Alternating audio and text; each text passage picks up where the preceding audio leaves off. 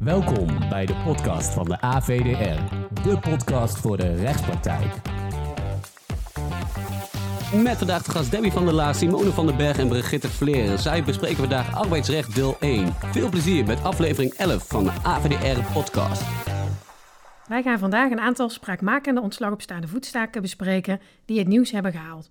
Mijn naam is Brigitte Vleer en ik ben advocaat arbeidsrecht bij LXA Advocaten. Naast mij zitten Simone van den Berg en Debbie van der Laar. Zij zijn ook allebei advocaat arbeidsrecht bij LXA Advocaten. Simone, welke uitspraak heb jij geselecteerd?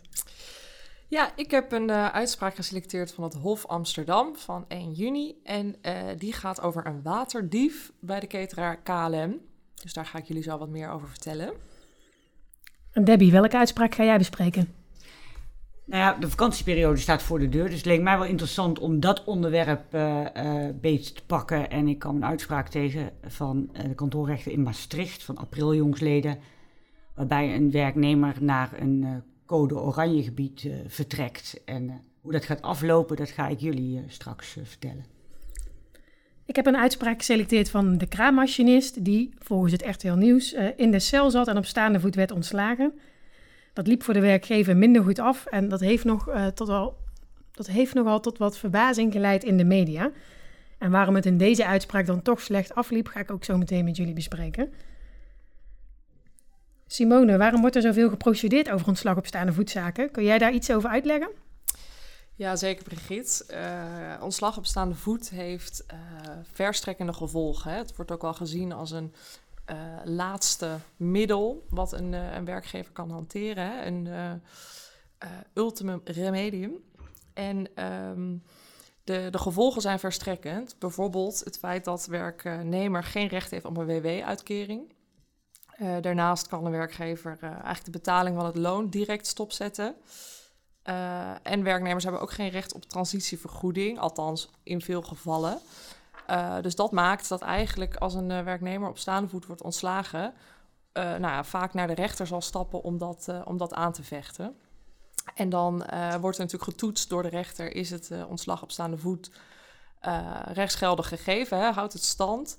En dan zijn er eigenlijk drie criteria die getoetst worden. Hè, het eerste criterium is dan, is er een dringende reden? Dat wil zeggen, uh, een reden waardoor uh, van de werkgever niet meer kan worden verlangd de werknemer nog langer in dienst te houden. Denk daarbij aan uh, diefstal, verduistering, bedrog, bedreiging, hardnekkige werkweigering.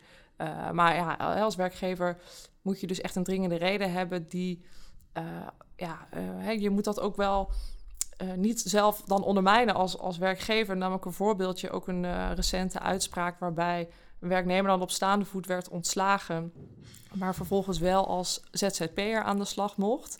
Nou, dat is dan wel een voorbeeld waarbij die dringende reden dan niet uh, overeind blijft, omdat nou ja, het blijkbaar toch niet zo dringend was uh, om deze werknemer te ontslaan als hij wel gewoon als ZZP'er aan de slag mag. Um, volgende criterium is dat, dat, het uh, onverwijld moet worden opgezegd. Dat houdt eigenlijk in dat je dus um, niet moet wachten met het geven van het ontslag. He, dus wel tijd voor bijvoorbeeld hoor, wederhoor. Dat is ook belangrijk. Je mag ook wel onderzoek doen als werkgever, maar je moet wel echt voortvarend handelen. Uh, en als derde uh, toets is eigenlijk dat dus ook de, uh, de dringende reden ook gewoon onverweld moet worden meegedeeld. Uh, en dat houdt in dat het voor de werknemer direct duidelijk is waarom hij ontslagen is. Um, dus dat, dat zijn eigenlijk de drie redenen. En, en vaak is er natuurlijk een ontslagbrief waarin dan uh, hè, dit uh, is opgeschreven door de werkgever. En dat is ook wel vaak het document wat door rechters dus ook wel gebruikt wordt hè, in het kader van de toets. Um, nou, of dat ontslag uh, goed is of niet. Um, en ik heb, ik, ik, zal maar, ik, ik ga gewoon door met mijn, met mijn uitspraak die ik heb voorbereid. want dit is namelijk wel een nou, spraakmakende ontslagzaak. Uh, de waterdief wordt hier ook wel genoemd. Uh, ik zal even kort voor, uh, voor iedereen de, de, de casus schetsen, de feiten en vervolgens hoe het Hof dus heeft geoordeeld. En dus ook um, wat de uitkomst is, want die is denk ik wel voor zeker mensen die niet bekend zijn met het arbeidsrecht echt ook wel verrassend. Um, en de casus is als, is als volgt. Het is dus een zaak van het Hof, dus de, de zaak is ook al eerder door de kantonrechter behandeld. Ehm, maar voordat ik ga zeggen wat de kantonrechter uh, oordeelde, ga ik toch eerst even de feiten schetsen om het een beetje spannend te houden. Uh, het gaat om een werknemer die uh, was in dienst bij KCS, dat is eigenlijk de cateraar van Schiphol. werknemer is 54 jaar en al vanaf 1994 in dienst, dus al lang dienstverband. Um, en eigenlijk, hè, KCS, dit is belangrijk om op te merken, heeft een uh, streng beleid over uh, onrechtmatige toe-eigening. Dus zij hebben echt een gedragscode. Daar uh, staat van alles in. en dus ook dat onrechtmatige toe-eigening, dat dat streng wordt gestraft. Dus dat daar eigenlijk een ontslag op staande voet volgt als iemand, als een werknemer iets onrechtmatig toe-eigent.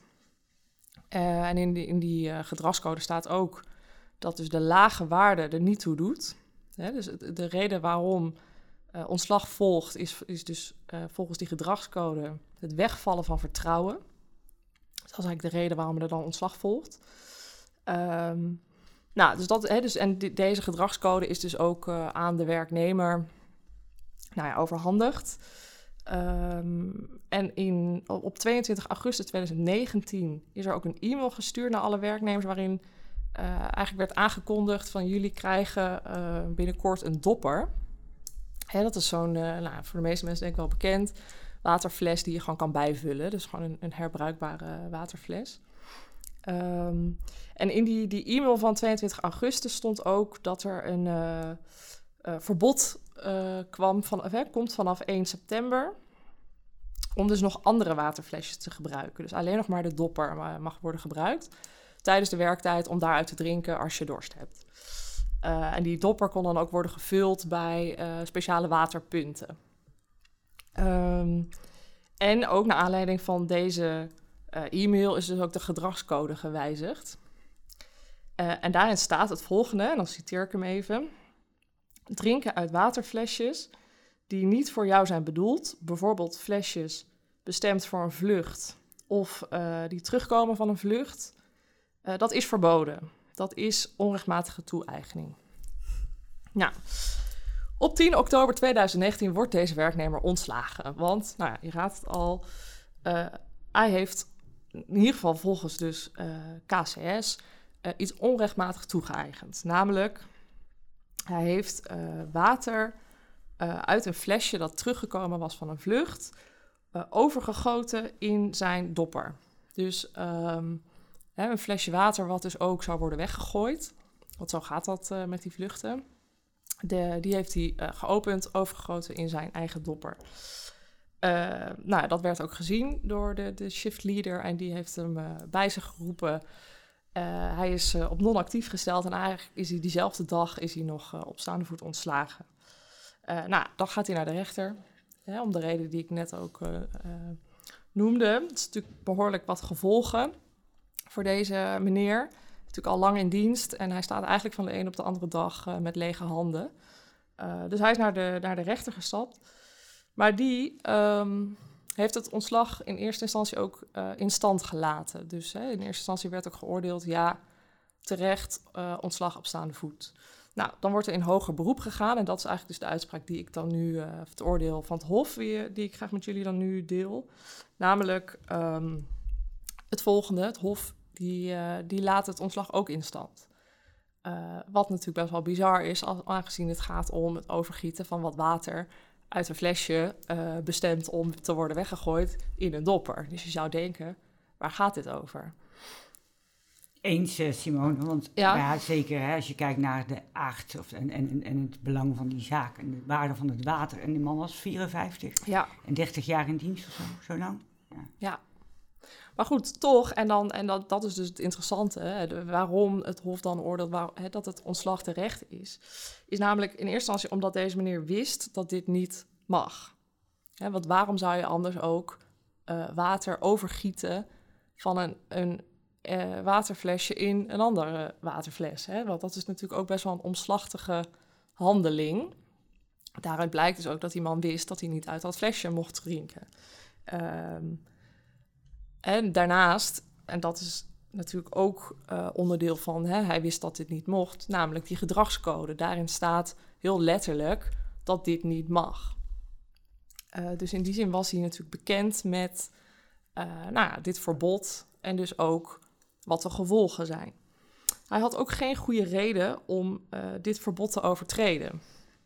Hij, hij, had zelf al aangegeven dat hij was afgeleid, had zorgen. Ehm, maar ja, dat is allemaal niet vast te komen, hè, is niet vast komen te staan. En ook, nou ja, omdat hij dus ook gewoon naar dat waterpunt had kunnen lopen. Dat was uh, nou ja, nog een paar meter van zijn werkplek vandaan.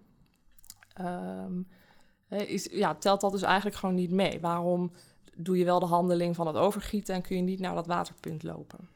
Misschien was zijn tas te klein om twee flesjes water in te nou ja, kijk, maar goed, hè, dat, dat eerste flesje had hij natuurlijk überhaupt niet aan mogen zitten. Dus en dat is natuurlijk, hij had natuurlijk gewoon met die dopper naar het waterpunt moeten lopen. En dat eerste flesje had hij eigenlijk helemaal niet aan moeten raken, want dat kwam van een vlucht terug. En dat was niet voor hè, hem bedoeld. Um, en wat dus ook wel nog interessant is, en dat, hè, wat het, het Hof zegt, is um, nou ja, dat als van, hè, van een goed werknemer ook wel verwacht wordt dat hij uh, hè, spontaan en actief um, de, de verstrekte informatie van de werkgever, en dus in dit geval gaat het dus om die gedragscode, dat hij dat leest en uh, dat hij daar kennis van neemt. Uh, dus het Hof is daarin best wel, nou, ik, ja, ik vind het best streng. Hè? Dus, dus het Hof is van mening dat van werknemers wel wordt verwacht dat die dus actief zich, nou, zulke gedragscodes tot zich nemen. En dan uh, dan is het natuurlijk ook zo dat als je die gedragscode leest, dan staat er natuurlijk wel letterlijk in dat dit niet mag. En dus ook dat het gevolg is dat je dan uh, opstaande voet wordt ontslagen. Uh, nou, dus dat is wat natuurlijk in dit geval heel uh, zwaar weegt. Hè. Dit is natuurlijk een typisch voorbeeld van zero tolerance beleid. Hè, KLM, of in ieder geval KCS, hanteert gewoon een zero tolerance beleid. Ehm, laat dat ook blijken door dus die gedragscode. En daarin is ook heel expliciet allemaal voorbeelden te noemen van wat niet mag. En dan dus ook daarbij te noemen wat dus de consequentie is. Dus dat is wel uh, nou, typisch natuurlijk in deze zaak. En vervolgens zegt het Hof uh, ook nog dat de, de, persoonlijke omstandigheden van, van deze meneer uh, niet in de weg staan aan het uh, gegeven ontslag op staande voet. En dat vind ik wel heel opmerkelijk, want je hebt natuurlijk aan de ene kant, hè, dat zero tolerance beleid. En als je ook toetst naar, of toetst aan die criteria voor zo'n ontslag op staande voet, hè, dringende reden, uh, onverweld en dus ook onverweld medegedeeld, ja, dan kan je je inderdaad voorstellen dat dit ontslag uh, hè, aan die toets voldoet. Maar wat dus eigenlijk ook nog een criterium is, is, uh, nou, dat is niet echt een criterium, maar wat natuurlijk vaak ook wel wordt meegenomen in ontslagzaken, zijn de persoonlijke omstandigheden. Hè? Dus je hebt natuurlijk aan de ene kant, uh, hoe is het voor deze werkgever? Dus hè, heeft deze werkgever uh, redenen om iemand op staande voet te ontslaan? Maar dan wordt er vaak ook nog wel gekeken naar deze werknemer. Hè? Dus meestal ook wel een, een afweging van, is het voor deze werknemer ook redelijk? maar ja, goed, wat dus ook in die gedragscode staat, uh, hè, wij, wij, gaan, wij behandelen iedereen hetzelfde. Uh, wij maken geen onderscheid. Dus hoe, hoe lang je dienstverband ook is, hoe goed je ook uh, functioneert. voor ons is onrechtmatige toe-eigening, in dit geval is dat, dat waterflesje overgieten, is voor ons gewoon ontslag op staande voet. En ja, dat is natuurlijk wel heel heftig. ja, dat klopt. ik denk dat je aan tien, uh, tien Nederlanders op straat vraagt wat komt hier uit, dat er negen zeggen nou voor zo'n paar slokken water. Vraag hem af. Voor ons als werk, vooral werkgeversadvocaten is natuurlijk goed nieuws eigenlijk, hè, want dan kun je je klanten toch laten zien dat de rechters, uh, als je beleid maakt en het beleid ook consequent uitvoert, dat dat dan toch tot ertoe kan leiden dat je gewoon ook wel mag optreden op het moment dat iemand dat doet en dat het niet uitmaakt of dat een beetje water betreft. Ja. ja, nou ja, en kijk, dit is natuurlijk wel ook een, uh, een werkgever die dit beleid ook heel consequent toepast. Dus dat zegt het Hof ook wel. Van ja, deze werknemer is in zijn lange dienstverband bij deze werkgever natuurlijk wel ook op de hoogte geraakt van eerdere voorbeelden waarbij werknemers op staande voet werden ontslagen. Dus dit, deze werkgever die, die voert dit beleid ook consequent uit. En er zijn natuurlijk ook wel voorbeelden waarbij er dan werkgevers zijn die ook zero tolerance beleid weliswaar hebben opgeschreven, maar het niet consequent uitvoeren. Dus volgens mij laatst ook een uitspraak geweest van een Albert Heijn filiaal uh, van een werknemer die een flesje cola uh, ja, tijdens de pauze volgens mij nuttigde, maar dat niet had afgerekend. En daar was ook zero tolerance beleid, maar dat werd gewoon niet consequent door, de, door dat Albert Heijn filiaal toegepast. Dus dat ontslag bleef niet in stand. Ja, en er is een recent voorbeeld hè, van die actionzaak, of recent, afgelopen jaar. Waarbij het om een tasje van 3 cent ging, waar een werknemer dat tasje niet had betaald, maar wel de 20 poncho's die hij erin stopte. En dat was wel een, uh, uh, een uh, zero tolerance beleid ook. Maar daar ging die kantoorrechter heel erg mee in wat jij net zei, dat hier minder een rol speelde. Toch een beetje de zachte stroming, dat deze werknemer heel erg afhankelijk was van deze baan. Dat het de waarde van een tasje tegenover de persoonlijke belangen en de omstandigheden van deze meneer, die in de schuldsanering zat en net weer een beetje op de rit was, 41 was, uh, in de coronatijd moeilijk een andere baan vindt, het was ineens in die zaken ineens allemaal wel van belang. Dus, uh... Ja, ik vind uh, deze uitspraak had denk ik ook anders kunnen uitvallen. Dat zijn jullie wel met mij eens, denk ik, als ik jullie zo hoor. Um, en wat ik me ook wel in andere uitspraken herinner, is dat er wel een link wordt gelegd, bijvoorbeeld in de retail, naar vertrouwen dus je hebt een verhoogd diefstalrisico en, dan wordt dat sneller ehm, als dringend aangemerkt. Of bijvoorbeeld, je hebt volgens mij ook wel zo'n zaak gehad, het overtreden van veiligheidsinstructies. Ehm, waarbij de veiligheid zeg maar, bij dat bedrijf juist heel erg belangrijk was. En dat het dan ook eerder uh, dringend is. Maar dat, dat zit ik dan hier wel even te bedenken van oké, wat heeft dan zeg maar water of diefstal te maken met een cateraar? Nou ja, ik weet wel dat natuurlijk uh, in deze branche, hè, in de Schiphol, uh, heel veel werknemers en natuurlijk ook bij die vluchten, uh, komt er heel vaak eten terug. En ja, er zijn wel meerdere uitspraken waarbij dan inderdaad nou, een werknemer bijvoorbeeld een, een, handje nootjes eet van een zakje nootjes wat open, of overbleef van een vlucht. Ja, en zij hebben daar gewoon heel streng eh, ja, zero tolerance beleid in, dat dat dus niet de bedoeling is. Dus ja, ik zou, kijk, mijn gevoel zegt ook, wat maakt het nou uit? Dat flesje zou toch worden weggegooid. Dus hè, wat maakt het dan uit dat die, die man dat flesje drinkt? Maar ze, ja, ze zijn in deze, of bij deze werkgever gewoon echt heel streng als het gaat om, oké, wat uh, behoort jou toe en wat is van derden? En dan in dit geval is het dat waterflesje van derden. En dan mag je daar gewoon niet aan zitten. Ja. Ja. Ja, en heel veel waterflesjes van derden. Hè. Dus het is een groot bedrijf. Ik denk ook dat het de opeenstapeling is van. En als je zegt, ja, als we hier nu een beetje de, ja, de regels loslaten, dan uh, hebben we gewoon kans dat heel veel kleine dingen toch uiteindelijk tot een grote schadepost leiden. En we kunnen het ook moeilijk monitoren. Dus we, we moeten hier wel strak op zitten, want anders dan gaat het, uh, ja, een hek van de dam. Dus ja. ik denk dat de, de algemene les wel is dat dat beleid en het consequent naleven van het beleid een heel belangrijke tip is in ieder geval voor ons. Zeker, ja, die tip zou ik werkgevers echt mee willen geven. Als jij uh, uh, het op, op, op papier zet, dat uh, het moet kenbaar zijn voor de werknemers en je moet het consequent toepassen. maar dan kun je dus eigenlijk heel veel verbieden, wat dus bijvoorbeeld bij andere werkgevers uh, nou, raar zou zijn om dat te verbieden, maar dan, dan kan dat alsnog, ook al is het kleine waarde, nou, denk aan waterflesje, uh, dat kan al leiden tot een ontslag op staande voet. Ja. Oké, um, dat is namelijk wel een leuke tegenhanger van jouw uh, uitspraak, Simone. mijn uitspraak, of de uitspraak die ik heb voorbereid, ehm, die is ook in de media aan bod gekomen en ook om die reden spraakmakend te noemen. En in de krantartikelen werd hij wel gekopt als werknemer in de cel. Uh, geen reden voor ontslag op staande voet. Dat is eigenlijk een beetje tegenovergestelde van de bagatelle-delicten die jij net uh, besproken hebt. Ik zal jullie eerst uh, de casus even schetsen. Het gaat om een werknemer, die is al wel enige tijd in dienst, maar nog niet zo lang als de werknemer in jouw zaak. Deze werknemer is acht jaar in dienst. Um, hij is werkzaam als kraammachinist en dat verloopt um, eigenlijk na, na, een paar jaar al niet meer vlekkeloos.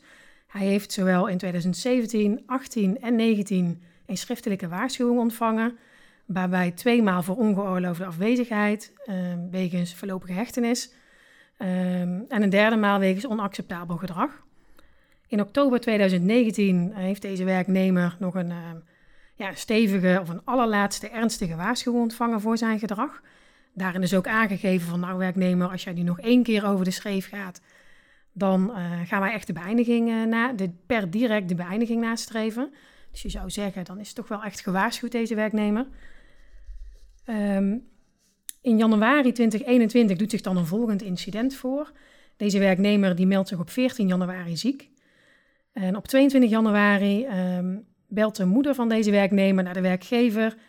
En um, die geeft dan aan dat deze werknemer wegens ziekte afwezig is en daarom ook telefonisch onbereikbaar. Ja, dan zijn we dus inmiddels al uh, nou ja, acht dagen verder. het is snel rekenen. Uh, en later zal blijken in de uitspraak dat uh, in de nacht van 19 op 20 januari, dus voordat zijn moeder hem zeg maar ziek meldde, maar nadat hij zichzelf heeft ziek gemeld, deze werknemer in voorlopige hechtenis is genomen. Uh, nou, deze werkgever die wil natuurlijk die werknemer zien en uh, horen. Dus per brief van 25 januari wordt die werknemer verzocht om voor 1 februari contact op te nemen met zijn teamleider, omdat hij niet reageert op ingesproken voicemailberichten. Daarnaast kondigt de werkgever dan uh, de loondoorbetaling stop te zetten, omdat de reden voor afwezigheid van die werknemer niet kan worden beoordeeld. Want die werknemer had zich immers ziek gemeld, maar vervolgens verdween die eigenlijk uit beeld. Op 29 januari wordt dan voor het eerst weer van deze werknemer een teken van leven ontvangen. En dan belt hij met de HR-manager om haar op de hoogte te stellen van zijn voorlopige hechtenis. En dat gesprek dat verloopt, niet, uh, verloopt ook niet zoals het moet lopen. Daar wordt ook nou ja, het nodige gezegd door deze werknemer. En die werkgever die is dan eigenlijk helemaal beu. Per brief van 1 februari wordt die werknemer op staande voet ontslagen. Um, daar laat dan ook de werknemer het weer niet bij zitten. Want die, nou ja, wat jij net al schetste, hè, die ernstige consequenties Um, hij kan eigenlijk niet anders dan uh, de ontslag op staande voet vernietigen. Um, nou ja, daar is werkgever het natuurlijk niet mee eens. En die bouwt dan een soort van vangnetje in. Die vraagt voorwaardelijk de arbeidsovereenkomst te ontbinden. Nou, de rechter die gaat dan de casus beoordelen. Die stelt allereerst vast dat het opzegverbod wegens ziekte niet geldt bij een ontslag op staande voet. Daar werd namelijk iets van uh, geroepen door die werknemer. Die had zich immers ziek gemeld. Daar gaat deze rechter dus aan voorbij. Um, vervolgens stelt die rechter ook vast hè, dat uh, deze werkgever voldoende voor het varen te werk is gedaan, gegaan. Dus er wordt eigenlijk een vinkje gezet bij het vereisten van die onverweldheid. En dan komt die rechter toe aan de beoordeling van de dringende reden. En dan herhaalt hij eigenlijk ook dat hele verhaal over nou, het ontslag op staande voet is een ultimum remedium. Bij de beoordeling moeten we kijken naar alle omstandigheden van het geval. Um, onder andere de aard en de ernst moeten worden afgewogen tegen de door de werknemer aangevoerde persoonlijke omstandigheden. Nou, eigenlijk dat hele kader wat jij net schetst, dat, uh, daar, daar, start deze werkgever ook mee. Uh, en dan gaat hij beoordelen. Dan pakt hij dus ook die brief waarin die dringende redenen zijn geformuleerd als uitgangspunt. En dan zegt hij van nou werkgever, eigenlijk volgt uit deze brief ehm, dat de reden voor ontslag op staande voet is, nou één, dat hij ongeoorloofd afwezig is geweest ook al voor zijn voorlopige hechtenis. En twee, dat hij zich onacceptabel heeft uitgelaten uh, richting de HR-manager.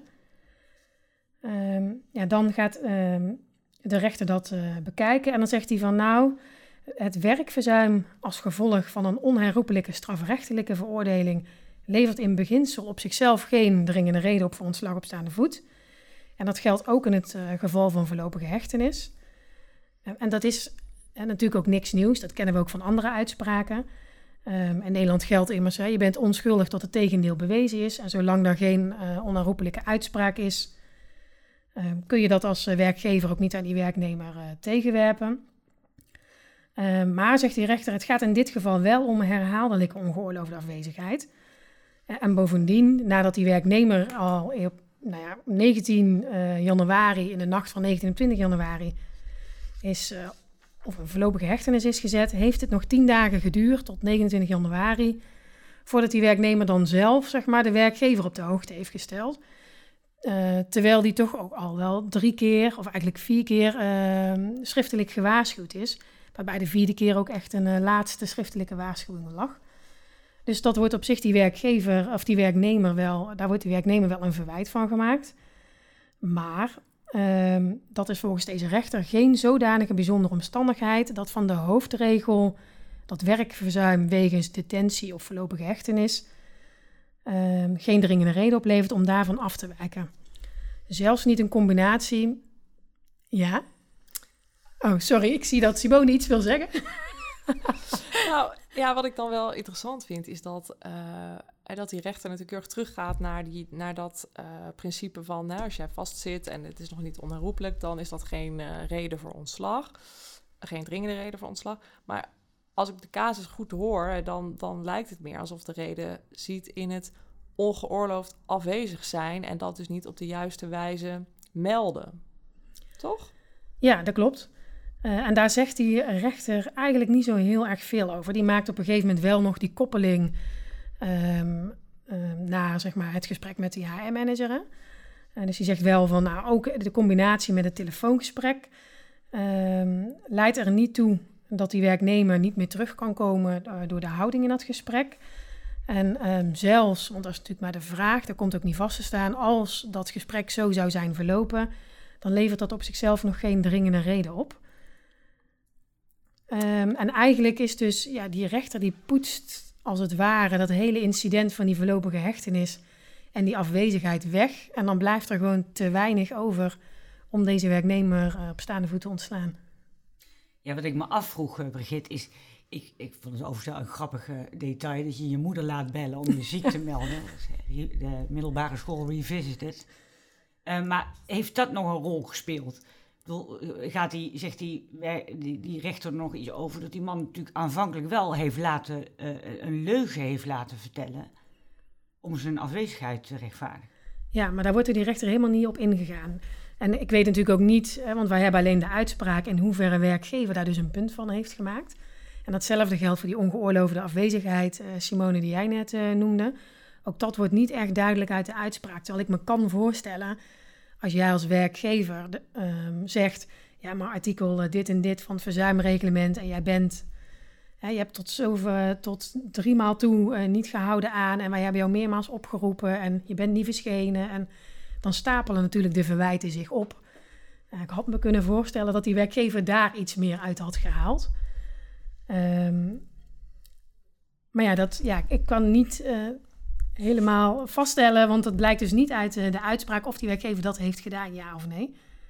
Maar in ieder geval onvoldoende om de rechter ervan te overtuigen. En het is zelfs zo, eh, nou gelukkig had deze werkgever dus wel een veiligheidsnetje gespannen. Hè, dus die heeft hij een voorwaardelijk ontbindingverzoek ingediend of laten indienen. Dus dat betekent, nou, dat ontslag op staande voet gaat dus onderuit. Dus de werknemer is daarmee uh, feitelijk in dienst gebleven. Um, die werk, of de rechter die gaat dan kijken naar het ontbindingsverzoek van uh, de werkgever.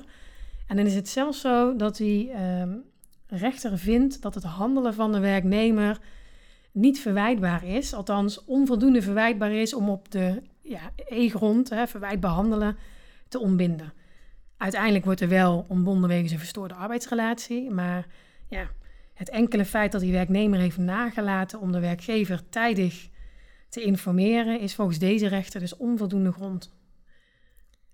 Dat vind ik dan toch wel bizar, want uh, je zou toch denken, hij is gewaarschuwd. Hè? Je, je, je mag niet nog een keer op die manier afwezig zijn, hè? ongeoorloofd afwezig zijn. Ja. Dat doet hij dan. En dan is dat volgens die rechter dan niet voldoende verwijtbaar voor een uh, ontbinding. Vind ik toch wel bijzonder. Ja, ja, ben ik helemaal met je eens. Ja, klopt. En uh, nou ja, zelfs niet voor ernstig verwijtbaar handelen uh, of verwijtbaar handelen. En dat betekent dus ook dat deze werknemer, omdat de rechter vindt dat hij niet ernstig verwijtbaar heeft gehandeld, krijgt hij ook gewoon de transitievergoeding uitbetaald. Het enige geluk voor de werkgever is dus de loonstop, die hij um, ja, vrij snel al heeft uh, opgelegd toen werknemer um, ja, uit beeld verdwenen na zijn ziekmelding en dus niet reageerde op telefoontjes en brieven. Die loonstop die houdt dus wel stand. Dus um, ja, de, werknemer blijft weliswaar in dienst. Maar het kost de werkgever even los van uh, procedurekosten en dus de transitievergoeding. Niet ook nog eens uh, een hele lange tijd aan loon. Dus nou ja, dat verzacht misschien een beetje de pijn. Ja, dat is natuurlijk normaal het gevolg. Hè? als de ontslag op staande voet maanden later of soms een jaar later of anderhalf jaar later in hoger beroep strandt, dat je dan met die, over die hele periode loon mag betalen als je dat vangnet van zo'n ontbinding niet hebt gespannen, of dat onderuit gaat of niet wordt toegewezen. Dit is een, uh, ja, dit is nog een kleine, of een schrale troost moeten we dat misschien noemen, dat je dat uh, loon dan niet verschuldigd bent. Ja. En, ja, en als ik dan even hè, kijk van nou welke tip of wat kan ik nou hieruit uh, afleiden um, hè, voor de praktijk, van wat, wat zouden we hier nou van moeten leren? Even ervan uitgaande dat alles wat de, de, werkgever heeft gedaan ook in de uitspraak staat, ja, dan zou het dus inderdaad uh, zijn meer inzoomen op het feit dat hij de reglementen niet nakomt.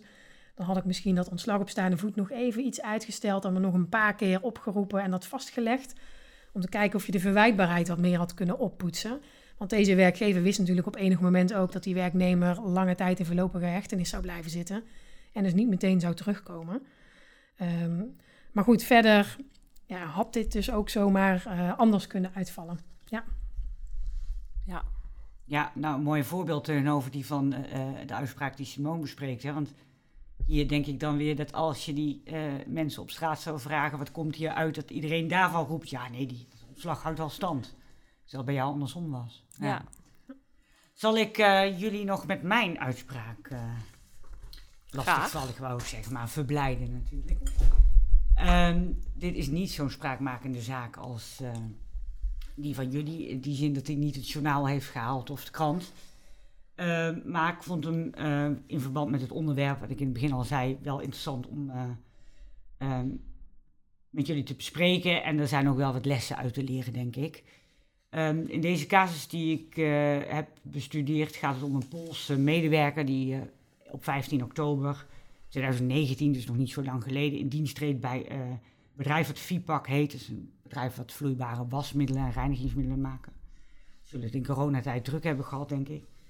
Hij krijgt daar een jaarcontract wat later nog een keer verlengd wordt. Daar heb ik het zo nog even over, want ik ben al überhaupt verbaasd die verlenging nog kreeg, zeg maar. Want nog geen maand na zijn diensttreding, in november 2019, krijgt hij al twee fikse waarschuwingen. Um, om, vanwege twee incidenten waarvan ik zelf al een telefoontje had verwacht van mijn klant. Is daar gebeurd van, nou moeten we die niet op staande voet ontslaan, die uh, meneer. Want hij heeft namelijk bij een meningsverschil de, een collega naar de keel gegrepen. Nou, best heftig toch? Ja. En dat andere vind ik wel wat grappiger eigenlijk. Hij heeft zich bij een oude inwinkel, inwikkelmachine uh, zich laten inpakken uh, met folie om te kijken als die, of hij als een soort Houdini daar weer uit zou kunnen ontsnappen.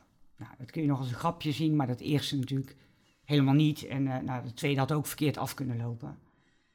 Ehm, hij krijgt daar echt een stevige waarschuwingsbrief voor, die hij ondertekent. Um, en uh, nou, ze gaan verder en een maand later gaat het weer mis. Dan gaat hij uh, echt de fout in qua werk, qua inhoudelijke werkzaamheden. Dan gaat hij allerlei pallets, daar heeft hij de verkeerde labels op geplakt. En daar heeft hij nogal wat laconiek over gedaan toen iemand hem daarvoor waarschuwde. Um, maar opnieuw weer een waarschuwingsbrief, waarbij de werkgever zegt, nou, als je nog een keer de mist ingaat, dan heeft dat consequenties. Maar de consequentie die ze benoemen is, dan zetten we je misschien wel ergens anders in ons bedrijf neer. Dus overplaatsen naar een andere afdeling. In mei 2020 wordt hij voor de laatste keer gewaarschuwd. Dan uh, staat er in een brief, dat is een soort verzamelbrief van een aantal dingen die ze geconstateerd hebben. Um, die hij toch weer fout heeft gedaan in hun ogen, want hij gebruikte veel schuttingstaal. Uh, hij gebruikt zijn mobiele telefoon waar hij dat niet mag. En hij houdt zich niet goed aan de afstandsregels voor de corona de, de coronamaatregelen, zeg maar. Hè, dus de afstandsregels die daar gelden. Twee dagen daarna meldt hij zich ziek. Um, dat, je zou zeggen dat is een gevolg van die waarschuwing, maar dat is het niet. Want hij zegt, ik heb echt werkgerelateerde klachten. Ik heb pijnklachten naar aanleiding van het handmatig moeten verschuiven van zware pallets. En de bedrijfsarts is het daar, heeft dat getoetst en die zegt ook, ja, deze meneer is inderdaad ziek. Uh, dus hij is een tijdje afwezig en begint in juli 2020, eh, dus vorig jaar, begint hij weer met zijn werk. Dan gaat het een hele poos goed. Uh, ik denk dat dat ook de verklaring is van dat hij in september te horen krijgt... nou, we gaan nog een half jaar met jou verder. Um, nou, hij heeft die, die verlenging binnen en op 9 oktober zegt hij... tegen zijn werkgever: Ja, ik wil even laten weten dat ik op 4 december eigenlijk voor het laatst wil werken. Want ik wil met mijn vrouw terug naar Polen. En kunnen jullie mij niet een briefje geven waaruit blijkt dat mijn jaarcontract, dat is 15 oktober afloopt, niet verlengd wordt, want dan kan ik ook nog een WW-uitkering meenemen. nou, daar werkt VIPAC niet aan mee natuurlijk. Ehm, dus eh, zij zeggen, nou dat doen we niet. Dat vinden we echt eh, de grootste flauwekul en ook misbruik van uh, ons sociale zekerheidsrecht. nou, werknemer zegt, oké, dan niet. Dan dien ik mijn contract wel uit tot de 13e maart van dit jaar.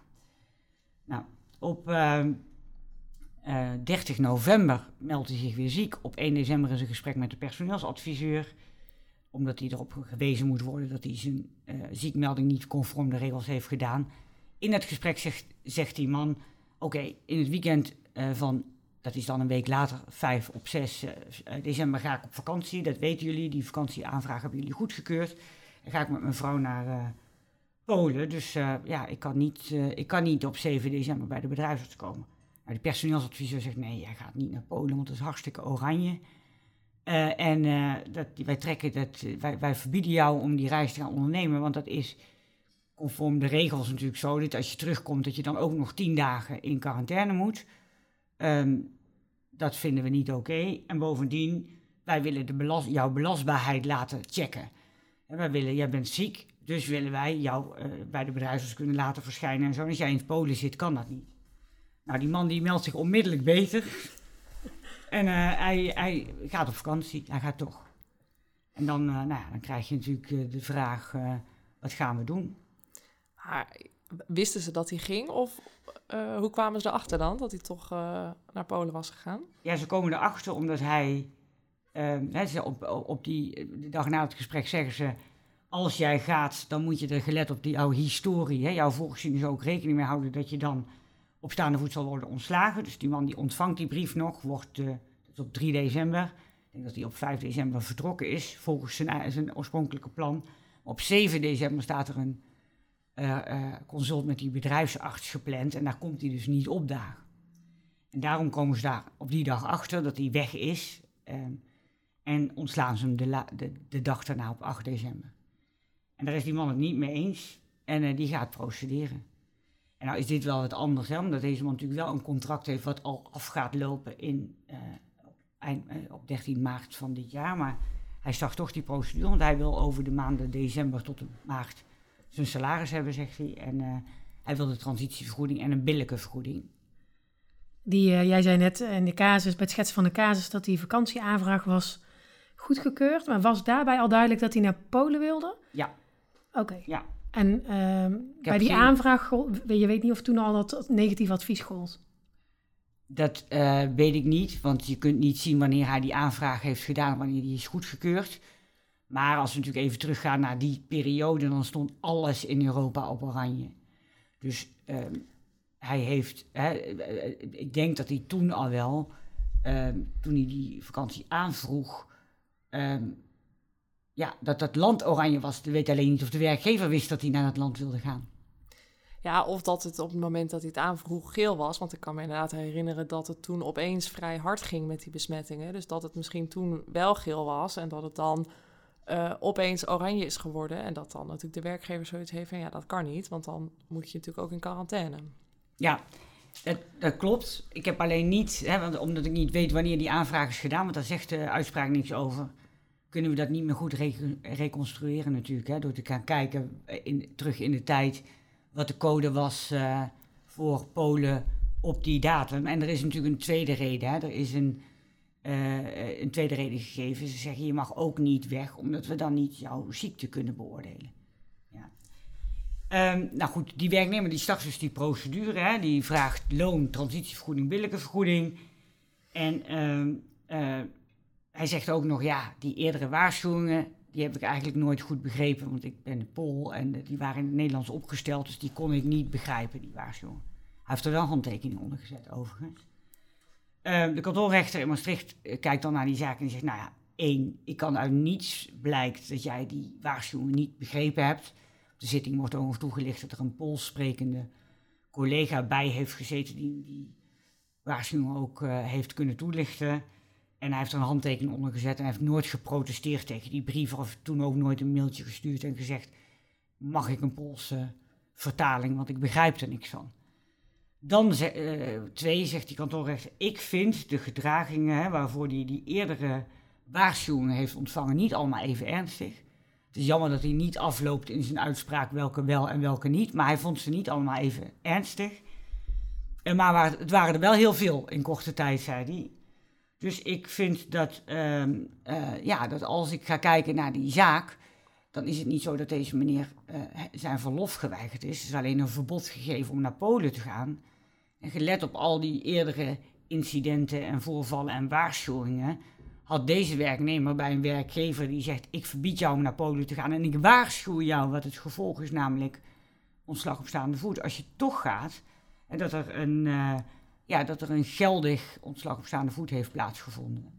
En dan wordt er gekeken ook naar um, het feit dat uh, die man ja, in het licht van de eerder gemaakte verwijten en het feit dat hij zich geen misstap meer kon veroorloven, zijn werkgever een dringende reden heeft gegeven. Um, en dat is best bijzonder natuurlijk, omdat je, als je puur kijkt naar het tegen de uh, wens van je werkgever vertrekken naar een land met een bepaalde kleurcode, of dat dan ontslag staande voet rechtvaardigt. Ik kan me voorstellen dat het best vaak gebeurt. Hè? Dat er mensen denken, nou ja, maakt me niet uit dat het oranje is. Ik, uh, ik ga gewoon. Uh, ik heb die vakantie al geboekt. En ja. Maar ja, goed, in dit geval die waarschuwing. Ja. Denk jij dat zonder er, ehm, die voorgeschiedenis van die waarschuwingen ontslag op staande voet ook stand zou hebben gehouden? Nou, je kon het al een beetje uit mijn aarzeling afleiden. Denk, ik denk het niet, eerlijk gezegd. Ik denk als je kijkt, en het kwam ook een beetje in jouw uitspraak naar voren natuurlijk van die kraanmachinist. Dat er, uh, als je gaat kijken naar, uh, naar uh, of er minder ingrijpende maatregelen denkbaar zijn. Dat zo iemand die vertrekt en bij terugkomst tien dagen in quarantaine moet en dus langer afwezig is, natuurlijk ook een andere maatregel kan treffen. Je kunt zeggen, ja, als jij gaat werknemen hou er dan rekening mee dat als jij terugkomt en langer afwezig bent, dat het gewoon voor je eigen rekening een risico is. Ik, ik betaal geen loon. En dus ik denk wel dat het hier heel duidelijk een samenspel was van, hè, dus of het samenstel van die omstandigheden, en dat zegt die kantoorrechter ook, in het licht van de eerdere verwijten, um, vind ik dat hier wel een dringende reden was. Daarmee zou ik werkgevers zeker willen afraden om zomaar bij iemand die vertrekt naar een code oranje gebied. Um, te zeggen, nou, eh, eh, eh, te denken dat je dat verbod kunt opleggen. Um, en kunt, uh, ervan uit kunt gaan dat je ontslag op staande voet stand houdt. Als iemand zegt, ik ga toch. Daar moet dan dus eigenlijk gewoon wel eerst het een en ander uh, zijn voorgevallen. Ja. ja, die ja. bijkomende omstandigheden blijven ja. hier toch belangrijk, denk ik. Hè? En dat zag je in jouw uitspraak met die, met die waarschuwingen. Ik heb het ook in een andere uitspraak gezien, want er is ook nog een uitspraak over een, uh, een gevangenisbewaarder die uh, naar vakantie vertrekt en daarover jokt en zegt ik ga naar Rodas van Kreta en hij blijkt in Turkije te zijn en daarvan gold destijds code rood misschien zelfs wel, maar in ieder geval de werkgever had gezegd dat wil ik niet dat je daar naartoe gaat. En die man wordt eigenlijk ontslagen omdat hij erover liegt. Omdat hij zelfs ook, die gaat wel heel ver, integriteit is natuurlijk in die business ook wel heel van groot belang. Hij laat zelfs vluchtgegevens zien van zijn reis naar Rodos, die hij nooit gemaakt heeft. uh, dus in dat soort zaken zie je dat er wel, uh, hè, dat, dat rechters veel meer belang hechten aan alles wat daar omheen zit. En het feit dat je er, hè, dat je er leugens over verkondigt, dan over het werkelijke feit dat je dan naar dat gebied vertrekt. Ja, alhoewel dat natuurlijk dan weer bij de, de, de uitspraak van Brigitte Hè, had je natuurlijk ook die, die, die randvoorwaarden, maar daar uh, nou, was het toch weer uh, anders. Oftewel, het is toch... Uh, het, ja, het kan vriezen, het kan dooien. Het kan ja. Hangt af van alle omstandigheden. Maar ik bedoel, hè, wat natuurlijk wel concrete tips zijn voor werkgevers... is waarschuwen, schriftelijk, beleid... Ja, je haalt me de woorden uit de mond. Ik heb hier voor mezelf Sorry. ook uh, opgeschreven onder de, onder de uitspraak. Hè, de les die we daaruit kunnen leren is dat waarschuwingen waarbij een werknemer wijst op de, vooral ook op de gevolgen van de volgende misstap. Ik denk dat dat belangrijk is. Niet alleen waarschuwen, maar ook zeggen wat, wat er kan gebeuren. Hè, zodat iemand echt een gewaarschuwd mens is. Let op, als jij dit nog een keer doet, dan vlieg je eruit. Maar dan in met mooiere juridische bewoordingen misschien. Ehm, en de algemene les is dus, wees toch wel voorzichtig met ontslag op staande voet. Hè. Kijk naar die, weet dat rechters daar heel streng over zijn. Dat rechters er gewoon ook, het zijn ook mensen die kunnen er anders over denken. Je hebt een beetje de harde stroming, de zachte stroming. Het is een beetje preken voor eigen parochie, maar ik denk dat je je gewoon goed moet laten adviseren. Want wat je in zo'n ontslag op staande brief, uh, ontslag op staande voetbrief zet, is natuurlijk ook heel belangrijk. Want dat is zeg maar een beetje de, de foto van het moment. En daar kijkt die kantoorrechter naar. En dat wat je daar opschrijft als reden, daar kun je daarna niet meer aanvullen. daar word je op afgerekend. Ja. ja. ja. Ik denk dat we um, wel kunnen gaan afronden met die wijze les. Hè, dat we uh, ja, niet een hele strakke uh, schema's kunnen geven over hoe je succesvol ontslag op staande voet uh, vormgeeft, maar wel dat er belangrijke tips uit deze uitspraken zijn te, te leren. Vooral dat beleid hè, waar jij het over had, Simone. Hè. Dus zorg dat je gewoon goede protocollen hebt en dat als mensen die protocollen overtreden, dat je ze aanspreekt en waarschuwt. Ja, en daar consequenties in, in Precies, ja. Dat is uh, onze les uh, voor uh, vandaag. En ik wil iedereen heel erg bedanken voor het. Bedankt voor het luisteren naar deze aflevering van de AVDR-podcast. Check de website www.avdr.nl voor meer unieke content voor de rechtspraktijk. Nogmaals bedankt en tot de volgende aflevering.